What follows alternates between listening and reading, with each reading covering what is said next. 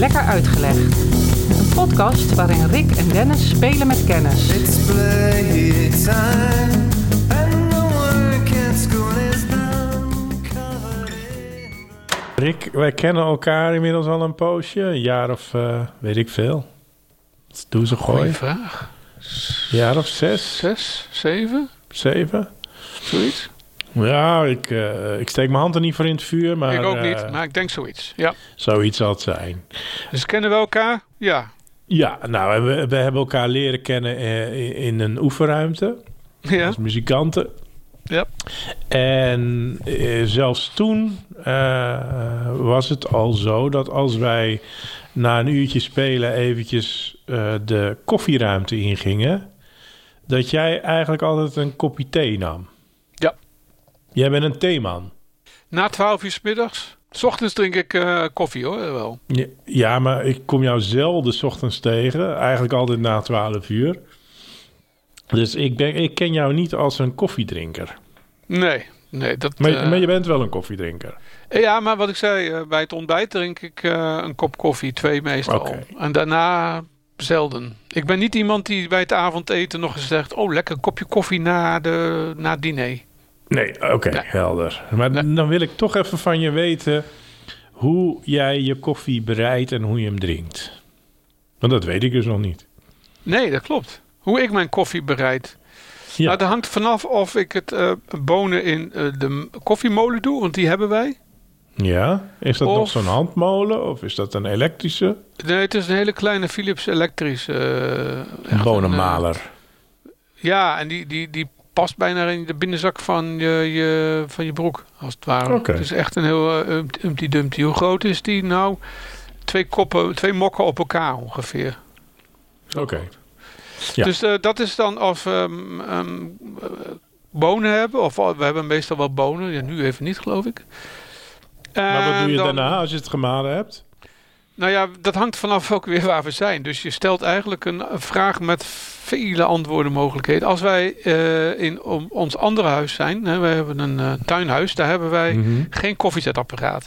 Nee. Daar hebben we wel een, percolator voor. Hoe heet zo'n ding? Nee, dat Ja. heet niet een percolator.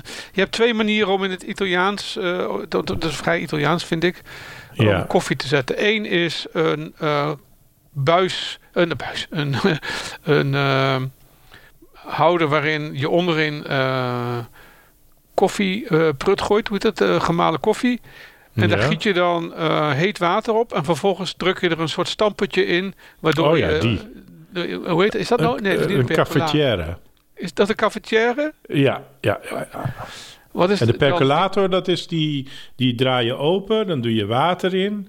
Dan heb je een filtertje, daar doe je bonenmaling in. Die stamp je een beetje aan.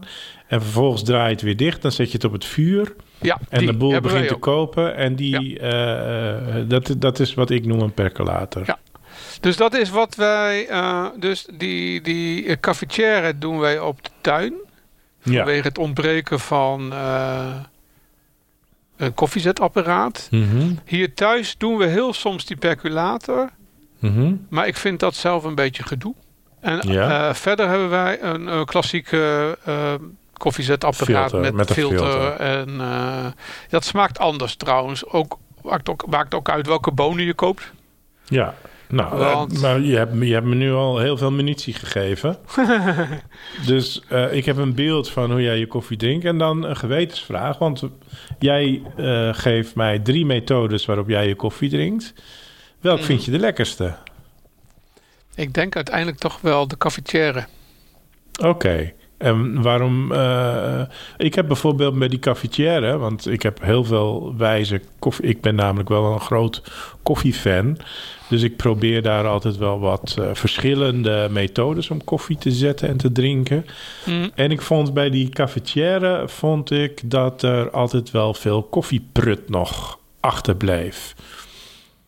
En dat, eh, oh. of, of ja, dan, misschien deed ik het niet goed of had ik niet een goede cafetière, maar dat, ik vond dat, nee, dat vond ik niet eh, de, de me- meest lekkere koffie die ik gedronken heb. De stampen die, je- waardoor je het de koffieprut naar beneden Mhm. drukt, waardoor de koffie met smaak, eh, of het water met smaak, wat dus koffie is, Ja. boven komt, dat, die moet goed zijn. Als je dat niet goed hebt, goed dan sluiten, komt het, ja. ja. want anders komt er inderdaad, en dat is niet Ja. lekker. Nee. Nee, Maar dat was de- mijn eh, nadeel een beetje bij die cafetière. Dus wij hebben hem ook wel in de kast staan, maar die komt er eigenlijk nooit uit. Oké. En wat is dan jouw favoriet?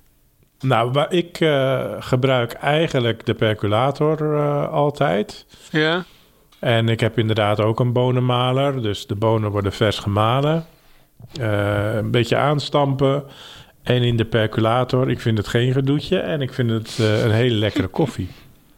Vind je hem niet te... Misschien doe ik het dan niet goed of doe ik het te weinig of juist te veel in. Dat hij dan te hard smaakt. Te, eh, ik had het idee dat de percolator bitterder koffie geeft. Ja, dat zou kunnen. Kijk, koffie is per definitie natuurlijk bitter, maar een beetje bitter, een beetje zuur. Ja. En dat hangt er natuurlijk vanaf eh of je de eh, balans tussen water en koffieprut, of je die goed houdt. En eh, daar kan je in variëren. En wij hebben dan een, een bonenmaler die je kan instellen. Eén drukje, dan geeft hij precies eh, zoveel gram aan gemalen koffie. En wij doen dan altijd twee drukjes als ik een bakje voor mezelf zet. En dan drie drukjes als we twee bakjes voor, eh, als we samen zijn zetten. Nou zo is dat al door gefine-tuned. En hebben we inmiddels voor ons doen de lekkerste koffie die we kunnen zetten, zeg maar. Dus de hoeveelheid bonen. Ja, dat is de hoeveelheid bonen die je uiteindelijk gebruikt om één kopje koffie te zetten. En maakt het dan ook niet nog uit hoe vaak, hoe, hoe fijn je het maalt? Ja, de, de, dat maakt zeker uit. Dus dat is de tweede, eh, dat is ook de tweede instelling in je, eh, in je bonenmaler die je kan doen. Eh, ik weet niet hoe die staat, maar het is niet super fijn en het is niet super grof. Dus we zitten een beetje eh, in het midden wat, wat de maling betreft. Ja. Maar dat is zeker ook zeer van belang. En daar komen we straks ook nog wel, wel eventjes op. Maar ik, percolator is voor mij Ah, de, de fijnste. Maar wordt mij vaak gevraagd, omdat ik het nodige van de wereld heb gezien, van hoe is de koffie daar? Als je dan ergens op vakantie bent en eh, ja, hoe is het weer? Eh, eh, en hoe is de koffie daar? Nou, en bijvoorbeeld in Amerika, ik zeg maar wat, heb ik bijna altijd van die slappe, waterige, vieze koffie. En vond nooit grote lekker. mokken, grote Ja, bakken. grote mokken en heel slap. En ik hou best wel van een sterk bakkie. Ik ook. Dus dan, eh, dan ga je maar espresso en zo drinken. Wat helemaal niet verkeerd is. Want in Italië bijvoorbeeld vind ik een espresso super lekker. En het is een slokje van niks, maar het is eigenlijk ook genoeg. Ja. En Met als je het gek doet. Ja, dan, ja, dat eh, ook geinig. Ik drink mijn koffie eh, hier in Nederland zwart. Mhm. Maar dat is niet overal zo. En in eh, verschillende landen drink ik koffie anders. En ik weet niet waarom, maar dat heeft waarschijnlijk met de sfeer te maken, met het land te maken. De- een beetje ook het idee van toen ik in de Cariben eh, werkte, dronk ik heel veel rum. Heb ik wel eens eerder tegen je gezegd. Maar dan neem je een paar van die flessen mee terug naar Nederland. En dan zit je naar die flessen te kijken in Nederland en je hebt er niet eens trek in hier. Laat staan dat het dan ook nog Ja. smaakt. Ja. Weet je, dus klimaat speelt wel best wel een rol, denk ik, met hoe ook eh, koffie genuttigd wordt. En ik heb inmiddels, en dat is een beetje hoe ik op dit onderwerp gekomen ben, dat ik moest denken aan de twee soorten koffie die ik heel erg ben gaan waarderen op, op een lange reis. En dat was de Turkse koffie en dat was de Vietnamese koffie. Heb je een van die twee ooit mogen nuttigen? Turkse wel, Vietnamese niet. Oké.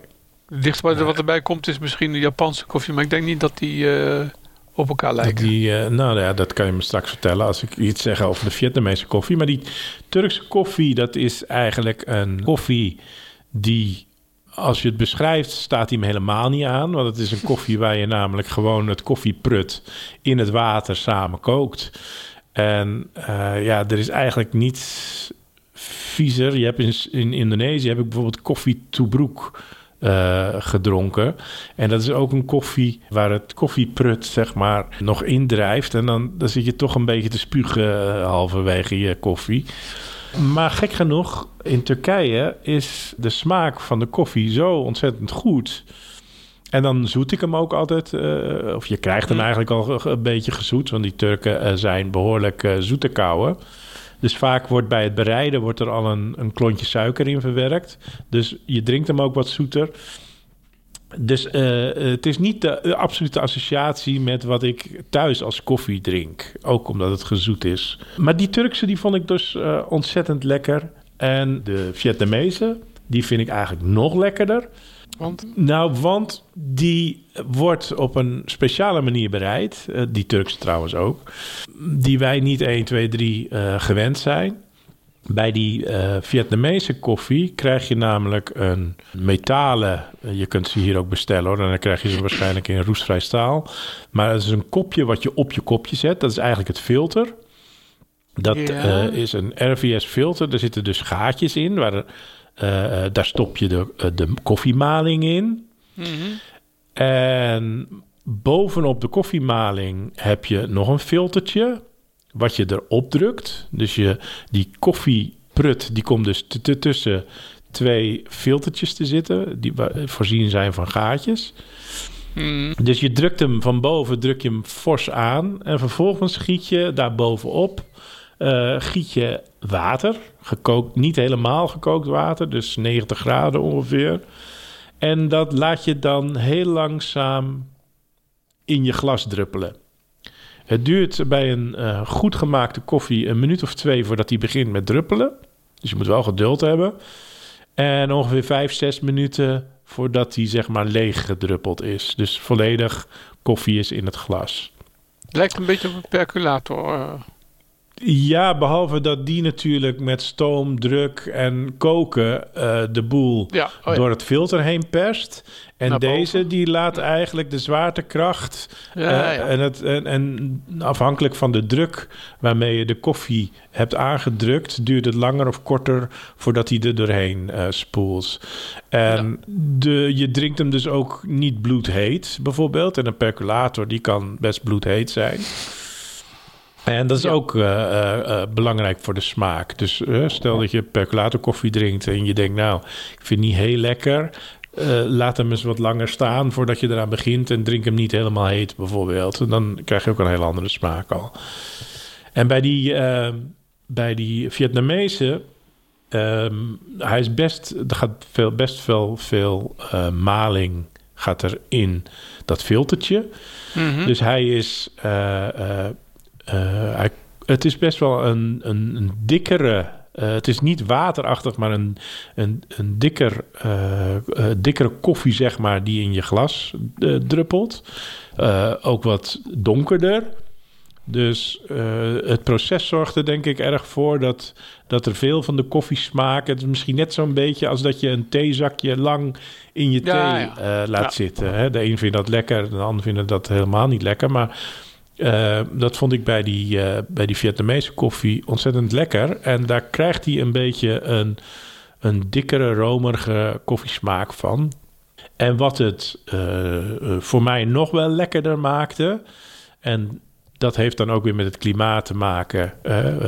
warm. En we waren veel aan het fietsen, dus je bent uitgeput en je kan wat energie gebruiken. Eh, wat ze daar veel deden, dat kon je bestellen hoor, met of zonder, ehm, is gecondenseerde melk. Dus een Mm. bodempje gecondenseerde melk in het glas voordat je het filter erop zet. En vervolgens, hè, gecondenseerde melk heeft van zichzelf een zoete eh, smaak. Ja. En daarmee werd de koffie dan ook gezoet. En de structuur ook een beetje, hè, dat blijft een beetje zo'n dikkige structuur. Waardoor je eigenlijk een beetje, nou laten we het, eh, ik kan het het beste vergelijken met de sensatie van eh, gesmolten chocolade of zo. Dat je eh, eh, net iets minder dik dan gesmolten chocolade, maar wel Ja, ja. zeg maar zo'n dikkere structuur. en, en ontzettend ook zoet, en, maar ontzettend lekker van smaak. ja dus ik- ik heb vanmorgen ook even gekeken of ik, Want toen, eh, toen ik daar aan, eh, aan dacht en toen ik dat ging uitzoeken en zo voor de podcast, dacht ik van ja, maar waarom heb ik eigenlijk zelf niet zo'n eh, zo'n eh, filtertje, zo'n Vietnamees filtertje? Dus die eh, eh, heb ik besteld. En binnenkort, eh, eh, als je langskomt, kunnen wij dus gewoon samen eens even eh, de proef op de som nemen.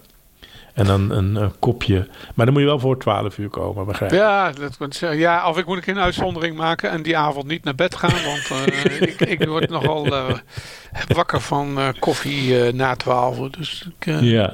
ja. hey, nee, maar dat is een andere manier dan de Japanners. Dus die hebben meer een westerse stijl, vind ik.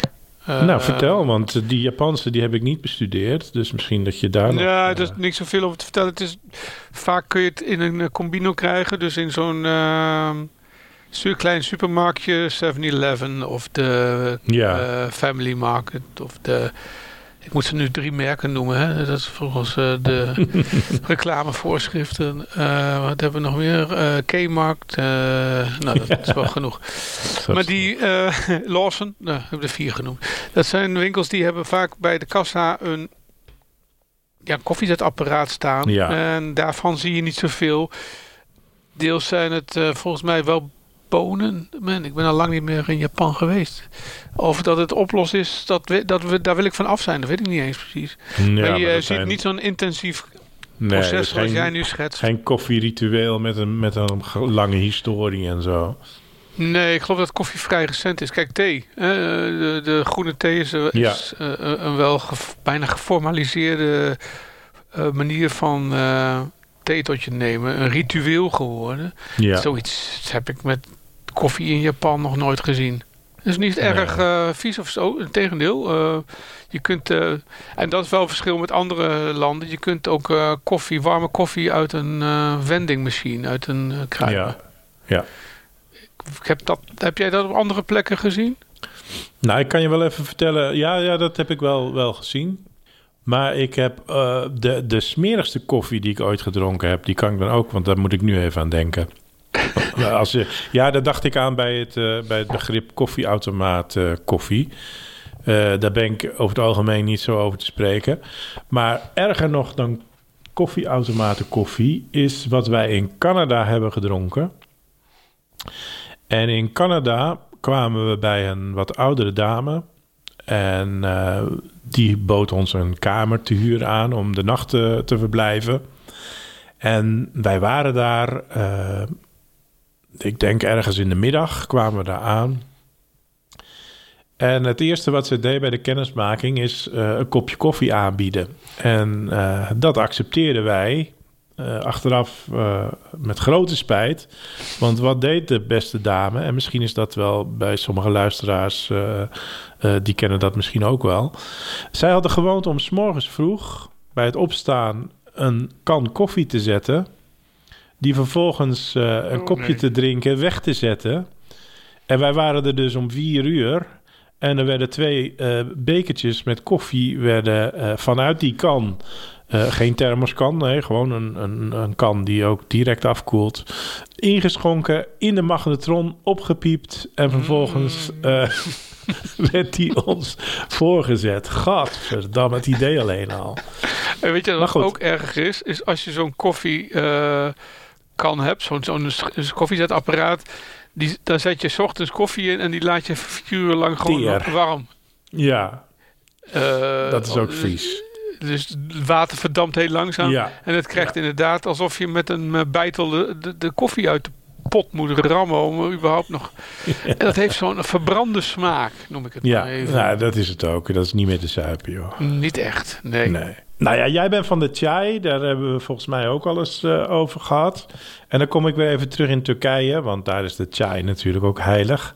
Mhm. Maar eh, de koffie is daar ook eh, best wel heilig in die zin. Turkse koffie heeft toch wel een bepaalde betekenis. Bijvoorbeeld, stel, ben je ooit nog van plan om een Turkse vrouw te huwen? Eh, dan begint het met scheiden. En daar ben ik dan weer zoveel... Ja, ik weet niet of ik dat nog red in mijn leven. Dus, eh, Nee. Ik denk het niet. Nou, maar Nee. mocht het zijn, dan geef ik je dat toch even mee. Let op bij eh, de aanzoek. Hè. Je gaat in Turkije ga je naar de vader van de bruid. En dan vraag je om de hand van zijn dochter. Mhm. En als dat moment daar is, dan is het gebruikelijk dat de dochter zich terugtrekt in de keuken om koffie te zetten. En eh, die, dat, dat eh, doet ze niet zomaar.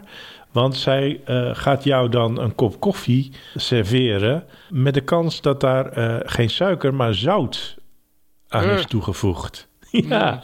Eh. Nou, wat je nu doet, laat dat dan vooral niet merken. Want moet het- zeggen, je wordt getest. lekker. Je wordt getest. Je wordt getest. test. Fijne Ze test. testen dan of jij een goede echtgenoot bent. Want drink je het glas leeg zonder morren, dan wordt dat dus gezien als dat je een man met karakter bent. En dan ben je Ja. de hand van de dochter eh, eh, eh, waard. Ik vind het meer een man zonder smaak. Maar, de man Ja, zonder nee. eigenschappen. Maar, We hebben het ergens gelezen. Ik weet niet of dat überhaupt nu nog gebruikelijk Maar goed, is. Maar het is wel Nee. eh, eh, grappig in de zin van het belangra- belang van de, het koffieritueel. Eventjes nog over dat bereiden van die Turkse koffie. En dan eh, stappen we even naar een ander aspect daarvan. Maar daar komen we vanzelf. Is dat bij de, het bereiden van Turkse koffie heb je een klein potje met een Mhm. handvat. Dat heet de Jazwee. Dat, dat is dat potje. Daarin stop je ontzettend fijn gemalen koffieprut. Mhm. En eh, je doet daar vervolgens eh, water bij. En eh brengt dat langzaam naar het kookpunt toe. En je roert. En wat ik zei, een klontje suiker stop je er alvast in. En je blijft het een beetje doorroeren totdat er zich... En doe dat ook vooral op, eh, op gas en niet op een inductieplaat. Dat is weer lastiger. Op gas en dan verschijnt er op een gegeven moment een eh, lekker laagje schuim. Een draplaagje met schuim, een schuimig laagje. En op dat moment kan je hem eh, inschenken. Je kan hem eventueel nog na laten schuimen. En in twee keer inschenken, net wat je, wat je prettig vindt. Beetje af laten koelen en vervolgens drinken. Maar je schenkt hem dus met die koffieprut in het glas. En daarom is het ook belangrijk om even te wachten met drinken, zodat dat kan eh, eh, sedimenteren, die drap. Vervolgens, als je je bakkie op hebt en je bent op tijd gestopt, wat blijft er dan over in jouw bekertje? Als je koffie hebt gedronken, Ja, als je je Turkse koffie hebt genuttigd. ja, dan blijft eh, de, de, van de smaak ontrokken gemalen bonen blijven onderin. Als je dat Precies. tenminste niet op hebt gedronken, omdat het erop Ja. Dat, En dat noemen we ook wel koffiedik. En wat we dan kunnen, Rick, Kijken! koffiedik kijken. Dat is net zoiets als eh, theeblaadjes lezen. Ja, nou ja, maar dat is hetzelfde. En dat valt allebei onder eh, het begrip tasseografie. Ken je die al? Pardon? Tasseografie. Tasseografie. Nee, Dat is het lezen van koffiedik of theeblaadjes. het is een soort Dat van tarotkaarten, tarot, tarotkaarten in, eh, in de vorm van eh, voedsel. Ja, precies. Je kan, eh, je kan natuurlijk alles lezen als je het vergelijkt met koffiedik kijken. Want koffiedik kijken is natuurlijk eigenlijk gewoon een soort waarzeggerij... eh, waarmee je de boel, eh, het volk een beetje verlakt, hè? Ja, Maar goed. vroeger had je natuurlijk bij de Romeinen degene die keken naar de vogels, hoe die vlogen. Ja, of naar eh, de ingewanden werden uit beesten gehaald en ingewanden werden ook gelezen. En dat vertelde dan weer iets over de toekomst. Nee, er Ja, zijn heel, dat- veel, ja. heel veel vormen. We gaan even koffiedik kijken als je het niet erg vindt. Die waarzeggerij met dat koffiedik kijken, dat is eigenlijk al vrij kort na de introductie van koffie eh, gestart. En dan heb ik het over eh, eind 17e eeuw. Eerst begint natuurlijk de gegoede burgerij aan het drinken van koffie eh, in Europa. Want dat was ontzettend duur. Het moest van ver komen. En het was een, een luxe goed. Eh, maar het werd wel populair omdat, eh, net als met thee, koffie, daar zit cafeïne in. En nou ja, dat eh, werden wat, wel wat magische eigenschappen aan toegeschreven. Je kreeg er toch een soort van high of zo van. Het is, een, opwek- het is een opwekkende stof, inderdaad. Ja, Sterker precies. nog, in de, in de oude DSM, zeg maar, de manual voor, voor psychiaters, stond dat als eh, een mogelijke verslavingsgrond. hè, dat mensen verslaafd raakten aan koffie, in, omdat ze het in zoveel hoeveelheden dronken, dat de opwekkende kracht, dat ze daar niet meer zonder konden. Ja, nou ja, dat, die discussie die, eh, is nog altijd actueel eh, volgens mij. Hm. Ehm, maar dat, dat maakte het dus ook eigenlijk al dat vrij snel die, hè, die magische eigenschappen aan koffie werd toegekend. Net als met, met thee. Ja, Ehm, en, en dus was het ook al vrij snel dat men in, die, in dat koffiedik eigenlijk nou ja, een soort van toekomst, eh, uit die koffiedik een soort toekomst ging voorspellen. En dan kom je bij het eh, fenomeen waarzeggen. En ja, wat is dat nou eigenlijk, Rick? Heb je daar een, een beeld van? We hebben natuurlijk ooit een uitzending gedaan over James Randi. En we gaan nu langzaam weer een beetje die, die kant op Hm. qua thema in, de, in deze podcast. Ja, wat is koffiedik kijken? Nou, het is eigenlijk gewoon oplichting. Maar, ja. Ja, nee, je... je, je denkt- Nou, ik, ik, ik, ik denk dat het inderdaad een kwestie van eh, oplichten is.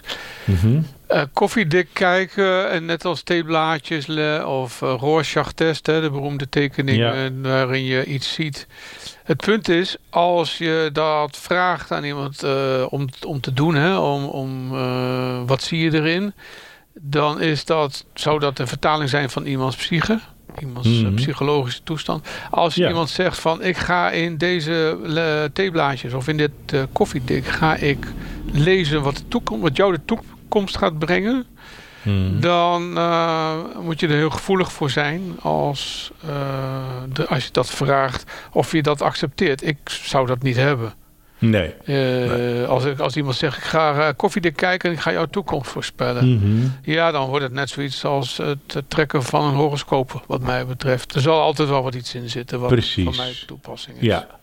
Nou, dat, dat, dat is ook mijn conclusie. En wat je, waar je waarschijnlijk aan wordt blootgesteld eh, op zo'n moment is aan twee technieken. En dat is hot en cold reading. Ja, ja, ja. ja. Even ho- hot reading, dat heeft te maken met eh, het feit dat, ik noem even degene die dat bij jou doet, dan de waarzegger of de waarzegster, eh, dat die zijn huiswerk gedaan, zijn of haar huiswerk gedaan heeft. Dus die weet, oké, ik krijg om eh, één uur krijg ik Rick Roeland in de praktijk. Betekent Mhm. dat ik even een kopje thee klaar moet zetten, want die drinkt geen koffie na twaalf. En, maar dat zegt al iets over je.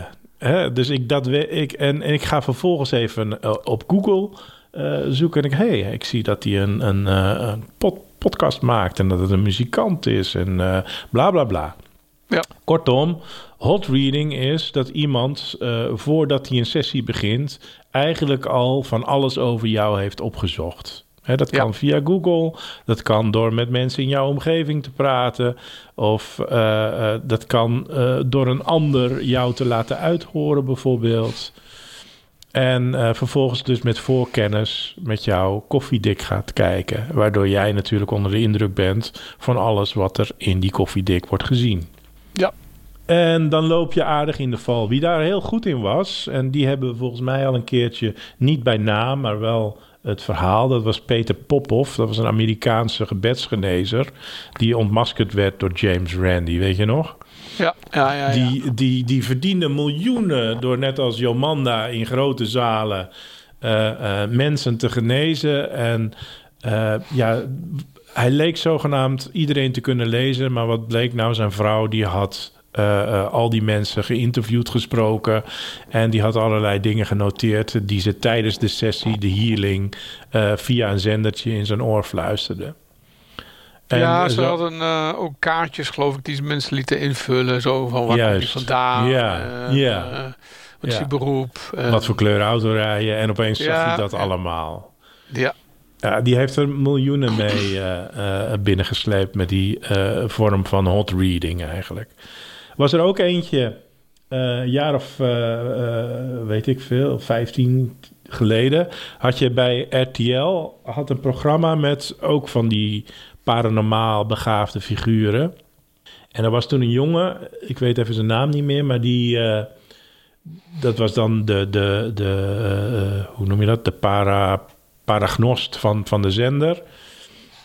En die is ook ontmaskerd, want wat had die nou? eh, eh, eh, die had een familie, volgens mij was dat zoiets in, in de uitzending.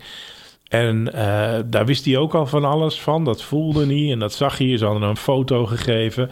En die had toen gezegd dat ze uit een familie van genverbranders kwamen. Van wat? Waarop genverbranders. waarop geen mens aansloeg en zoiets had van... eh, nou, ik weet niet eens wat het is, weet je wel. Wat Ja. bleek nou? Hij had dus via hot reading... had hij dus allerlei achtergrondinformatie van die familie verzameld... en was op een website gestuurd... waar die eh, familiegeschiedenis opgeschreven stond... En dat bleek dat ze uit een familie van jeneverbranders kwamen. En dan nog geschreven op de, op de oude eh, eh, manier met de G vooraan. Maar een spelfoutje, de E weggelaten. Dus je had genverbranders. Nou, en daarmee viel hij natuurlijk gigantisch door de mand. Van, Ja. we- we zijn jeneverbranders. maar dat is dus blootgelegd eh, eigenlijk wat hot reading is.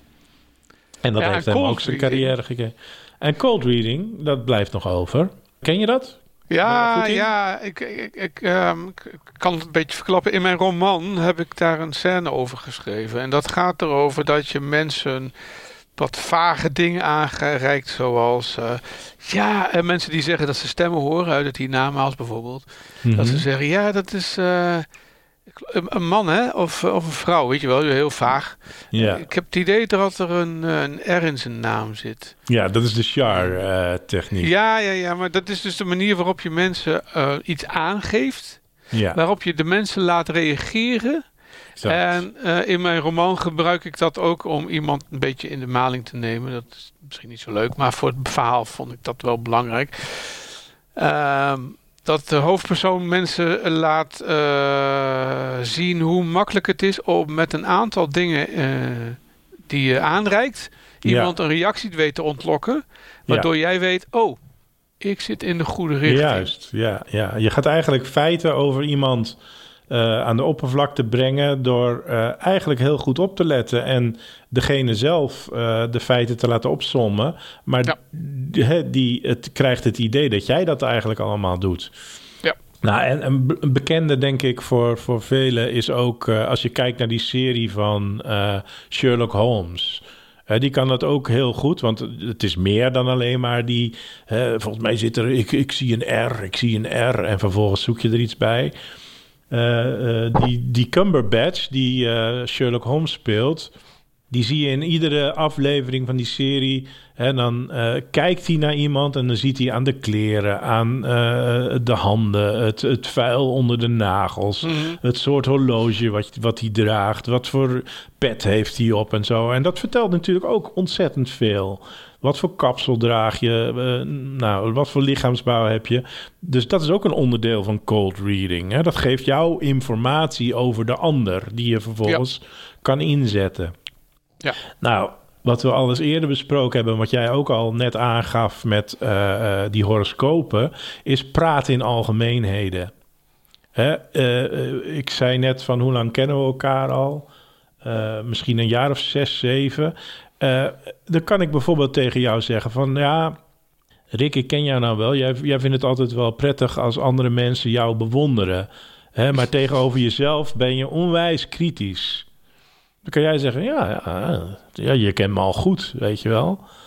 Maar Dat zou ik in dit Dat is geval iets- dus niet zeggen, maar... eh, Nee, maar, maar dat is iets wat bijna op iedereen wel zou kunnen slaan. Hè? Zo algemeen. Eh, ja. natuurlijk vindt iedereen het fijn als een ander eh, jou bewondert. Maar tegen zel- tegenover jezelf ben je heel kritisch. Ja, nee, dat, dat heeft bijna ieder mens. En dat noem je het Forer-effect, genoemd naar eh, psycholoog Forer. Of het Barnum-effect, en dat is weer vernoemd naar... Welke Barnum ken jij? eh, dat is, eh, ik ken het Barnum-effect toevallig, maar dat is van de circus... Precies, P.T. Barnum. ja, de circus Bailey. Of de eigenaar van een circus. Ja, nou en dat vormt ook de, de basis voor horoscopen, die, die techniek. Een andere die je kan doen is eh, eh, met hagel schieten. Dus je vuurt van alles af en dan weet je, eh, er zijn altijd wel een paar kogeltjes die raak zijn. Oh, En dat heel niet vaak- letterlijk. eh, Nee, niet letterlijk nee, Oh.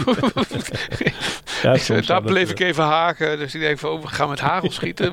Wat, wat voor nut heeft dat om in de toekomst te kijken? En, nou, van, Ja. ja, ik wil, ik wil gered worden. Oh, zie je wel. Dus je wilt naar het ziekenhuis. Ik kan in de toekomst kijken. Dus je wilt naar het ziekenhuis. Dat wist ik. nee, maar dus eh, gewoon, eh, er is altijd wel iets goed. Dus eh, ik geef jou tien opties en van de tien sla je er Ja. bij vier aan. En dan denk je, nou, eh, op een gegeven moment vergeet je die zes die mis waren, weet je wel. Ehm, Ook gedurende het gesprek natuurlijk de ander in de gaten blijven houden. Lichaamshouding, als jouw blik verandert, eh, een knikje. Toen ik net die zin oplas, toen keek je opeens omhoog van... en je ging je meteen al afvragen van... hey, is dit nou wel op mij van toepassing? Weet je wel? en, dan kan ik, en dan kan ik eigenlijk al aan je, je, eh, je wenkbrauwen zien... dat jij denkt van... ja, maar dat, wat hij nou zegt, dat klopt niet helemaal. Dus dan kan ik mijn zin daarop aanpassen... of ik kan mijn vervolg daarop aanpassen... of ik kan daarachter zetten van... ja, maar dat geldt niet voor jou, hè? En dan denk je, ja, hé, hey, oh, hij kan echt mijn gedachten lezen... Terwijl ik eigenlijk alleen maar je gezichtsuitdrukking leest. Ja. Snap even hoe? Ja, ja, ja. Ik, eh, basale eh, eh, kennis van menselijke interactie is hier van groot belang. Namelijk, mensen zijn A, snel geneigd wat te geloven. Ja, Als het gaat om. dan heb je ook nog verschillende soorten mensen. Wat labielere en of wat makkelijk. Die wat makkelijke dingen accepteren. Mhm. En eh, je kunt, wat jij al zegt, dingen eh, aanreiken waarop je ziet hoe mensen reageren. En dat is dan vaak eh, voor iemand die horoscopen doet of koffiedik kijkt. ja. Een mooie een bron om, om verder op te gaan. Er zijn nog een paar dingen bij cold reading die, die heel handig zijn. Wat je ook kan doen namelijk is vooral de ander laten praten. En vervolgens zeggen dat je dat al lang wist. Klinkt heel simpel, maar dat geeft toch kennelijk een, een vertrouwen eh, in, in zo'n setting. Van ja, dat wist ik al. En eh, vleien, dat is de laatste, maar wel belangrijk. Hè, dus degene bijvoorbeeld zeggen... nou Rick, ik zie bij jou een onwijs sterke aura die je prachtig neerzet. Het slaat helemaal Paars- nergens op. Is de Hè? paas aura? Wat zeg je? Een paarse aura, ja. Eh, ja?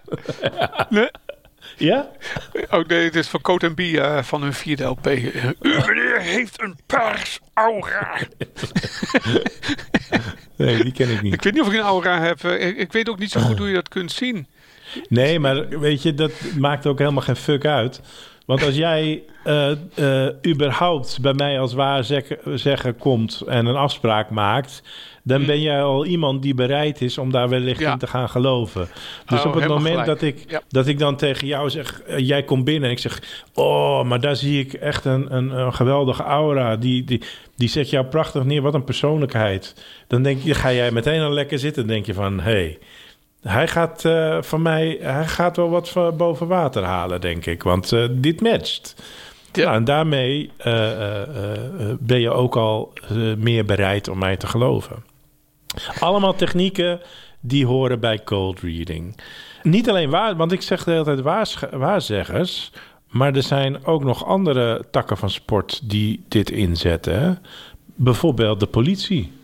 Bij uh, uh, verhoringen en zo. Ja. ja, dus die krijgen ook uh, uh, trainingen en zo in dit soort technieken. Verkopers.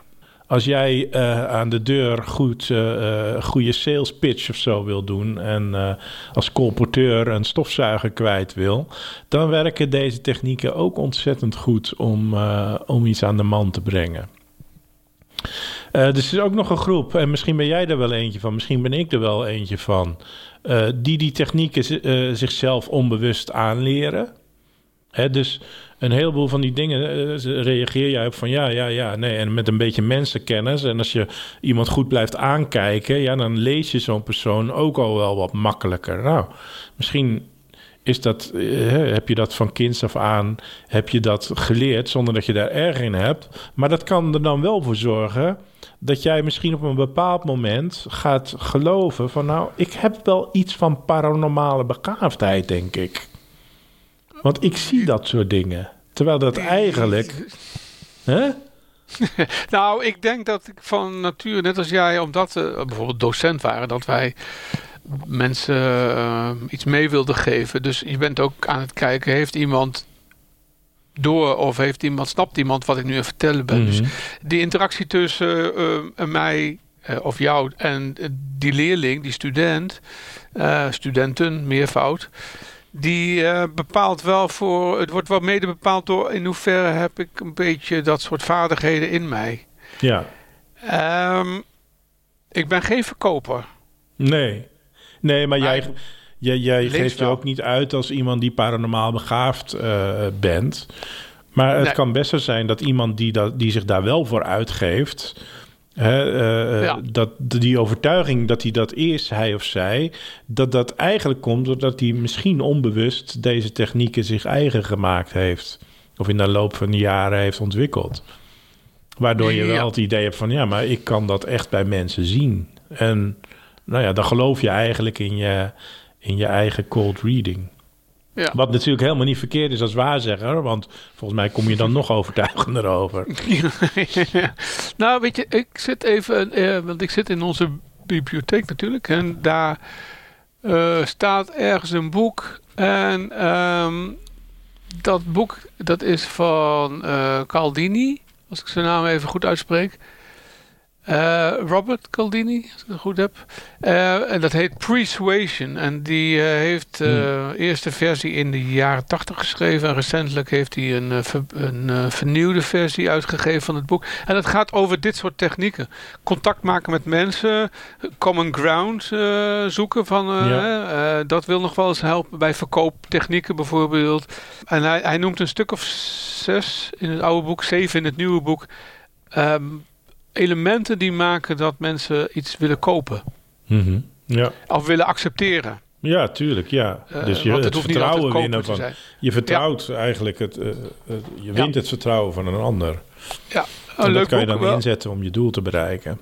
Voor degene, de luisteraars onder ons die denken... ik wil wat meer verkooptechnieken hebben. Nou, jij geeft er een aantal die je eh, kunt noemen. En het boek van Caldini is ook wel om... eh, misschien eh, wel interessant om... eh, oh, ligt op zijn kant. Ik denk, Caldini, net. zeg je? Ja, ik, eh, ik wou Oh, wat grappig, pakken. want eh, eh, eh, de, de eerste ontdekker volgens de eh, eh, eh, legende van de koffie... dat schijnt de geitenherder Caldi te zijn. Die heet? Caldi. Ja, dat is geen geintje. En die, eh, eh, het schijnt dat hij de koffie heeft ontdekt... eh, toen hij zag dat zijn geiten, zijn kudde geiten... eh, de bessen van de, eh, eh, de koffieplant vrat...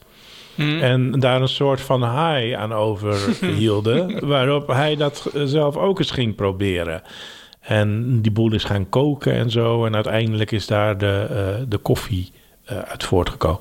Eén van de vele legendes hoor. Maar jij hebt het over Caldini. En ik breng het even vakkundig terug naar de koffie. En dan rond ik ook meteen even af. nou, ik vind het Want- een leuk bruggetje wat we eh, slaan zo Ja, een leuk of het zat gewoon in de lucht. We vingen dat gewoon dat- eruit en plop erin. Dus eh, eh, zo kwam ik eigenlijk via de Turkse koffie naar het koffiedek kijken, naar het cold eh, hot reading. En ik denk dat ik nu toe ben aan een, een lekker percolator bakkie koffie. Ja, want dat, dat hebben we niet over. Hou je ook van koude koffie? Ja, die Turk... Oh ja, nee, hebben we het niet over gehad. Maar die... eh, of die Turkse, nee, die Vietnamese koffie... met dat eh dripfiltertje... Hm?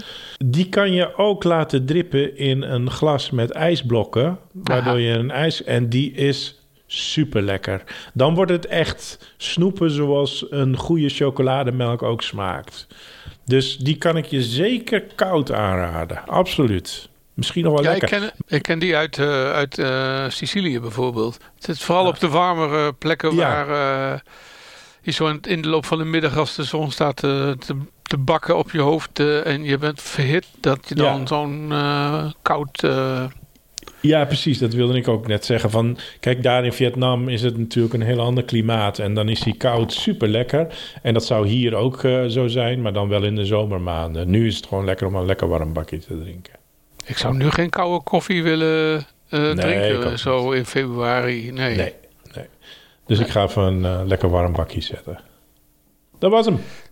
Oké, en ehm, je gaat dus zometeen een koffie, koffie, lekker, bakje koffie. Zeker. Ja, ik had nog geen enkele muziekreferentie gehad. van, Oh. eh, nee, kan ik die denk- nog maken? Dus dan moeten we even een plaat van Stix erbij halen. ja, of eh, eh, de Penguin Café Orchestra. Ken ik niet. Café. Oh nee, PCO, dat is een van mijn, eh, mijn schrijfmuziekjes. Luister maar eens een keer ergens op een... Is dat klassiek of is dat... Nee, het is door. Het is een, was een Engelsman. Engelse. Ja, het is geen folk. Het heeft iets ambience, maar het is uit de jaren 70 al. Het was voor mij in de studietijd heel vaak muziek. En ik doe het nog steeds.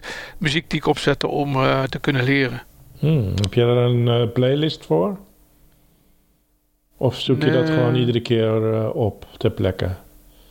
Ja, ik heb wat cd's in de kast staan, maar als ik die niet opzet, dan vaak ik vaak op, op een of andere, nou ja, Spotify of YouTube of wat dan ook Mhm. zoeken. En dan vind ik wel een playlist, ja.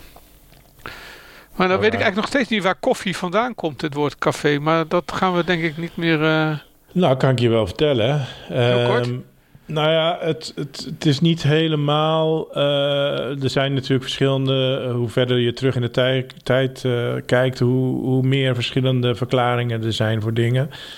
Het kan zijn dat ze. er wordt gezegd dat koffie voor het eerst gevonden en verhandeld is in Kaffa, het koninkrijk Kaffa. Dat Mhm. is het huidige Ethiopië. Dat is ook de oorsprong, eh, het oorsprongsgebied van de koffie. ja. Dus het idee is dat hè, eh, het, het koffie uiteindelijk vernoemd is naar de oorsprong, de plaats van oorsprong, Kaffa. Oké, nou die neem ik mee. Neem mee. Ja, Ja, Hm, Nou. dat heb ik niet. leuk verhaal. Hè? En dan heb je nog, dat is ook nog wel leuk, de, eh, eh, de plek waar de eerste koffie vandaan verhandeld werd. Dat is de plaats Mokka. Ja, Dat ligt natuurlijk heel dicht bij elkaar. ja. Niet in eh, plaats en zo. niet kaffa en mokka, maar koffie en mokka wel. Dit is wel een smaak die ik trouwens lekker vind. Mokka-achtig. Heerlijk. Ja, ik, de, ik ken één snackbar in Alkmaar. Daar kon je, want ik geloof dat die er niet meer is. Maar dat was de enige plek waar je eh mokka milkshakes kon kopen. Oeh. En die waren super, super lekker. Dus altijd als ik in Alkmaar in die winkelstraat kwam, dan ging ik daar naartoe eh, bij de Febo. En dat is gek, want dat is een hele eh, grote keten. Maar nergens anders hebben ze milkshake mokka. Dus daar, dat was de enige plek. Dus daar ging ik altijd speciaal voor eh, naar Alkmaar, naar die Febo. Krijg er in één keer zin in. Ja, is Ik lekker zin- ik krijg mokka. zelfs zin in koffie. Wat is dit? Maar dat ligt dan weer in Jemen, mokka. Hey. Nou, ja. Maar daar, vanuit de haven, daar werd... eh, eh, en trouwens, dat is ook een, een boek. Ehm, vrij recent boek. Eh, niet de Max Havelaar. Dat ging natuurlijk ook over koffie. Ehm, maar dat heette Mokka. Even kijken hoor. Dat heb, ik heb het wel gelezen, maar ik weet de titel, titel niet meer. Even kijken of... De Monnik van Mokka. Dat gaat ook over de oorsprong van koffie. Oh. Oh, een Ja. leuke... eh, van Dave Eggers. Eggers, sorry. Nou, dat is een leuke tip voor de... We hebben toch allebei een boek aangeraden om te gaan leven. Nou, die, die, die wil ik ook nog wel eens... eh, Lekker Uitgelegd is een podcast van Dennis Ai en Rick Roeland. Wil je geen uitleg missen? Abonneer je dan op Lekker Uitgelegd. Dat kan op Spotify, iTunes of in je favoriete podcast-app. Laat ook vooral een recensie achter. Dat vinden wij leuk en andere mensen kunnen ons dan sneller vinden. Lekker Uitgelegd is ook prima te volgen op Twitter, Facebook en Instagram. Wil je meer weten over deze aflevering? Kijk dan op lekkeruitgelegd.nl. En wil je reageren? Dat kan. Stuur dan een mailtje naar info@lekkeruitgelegd.nl. Tot over twee weken. Lekker uitgelegd is een klankmedia productie. En de muziek, die is van Kolbak.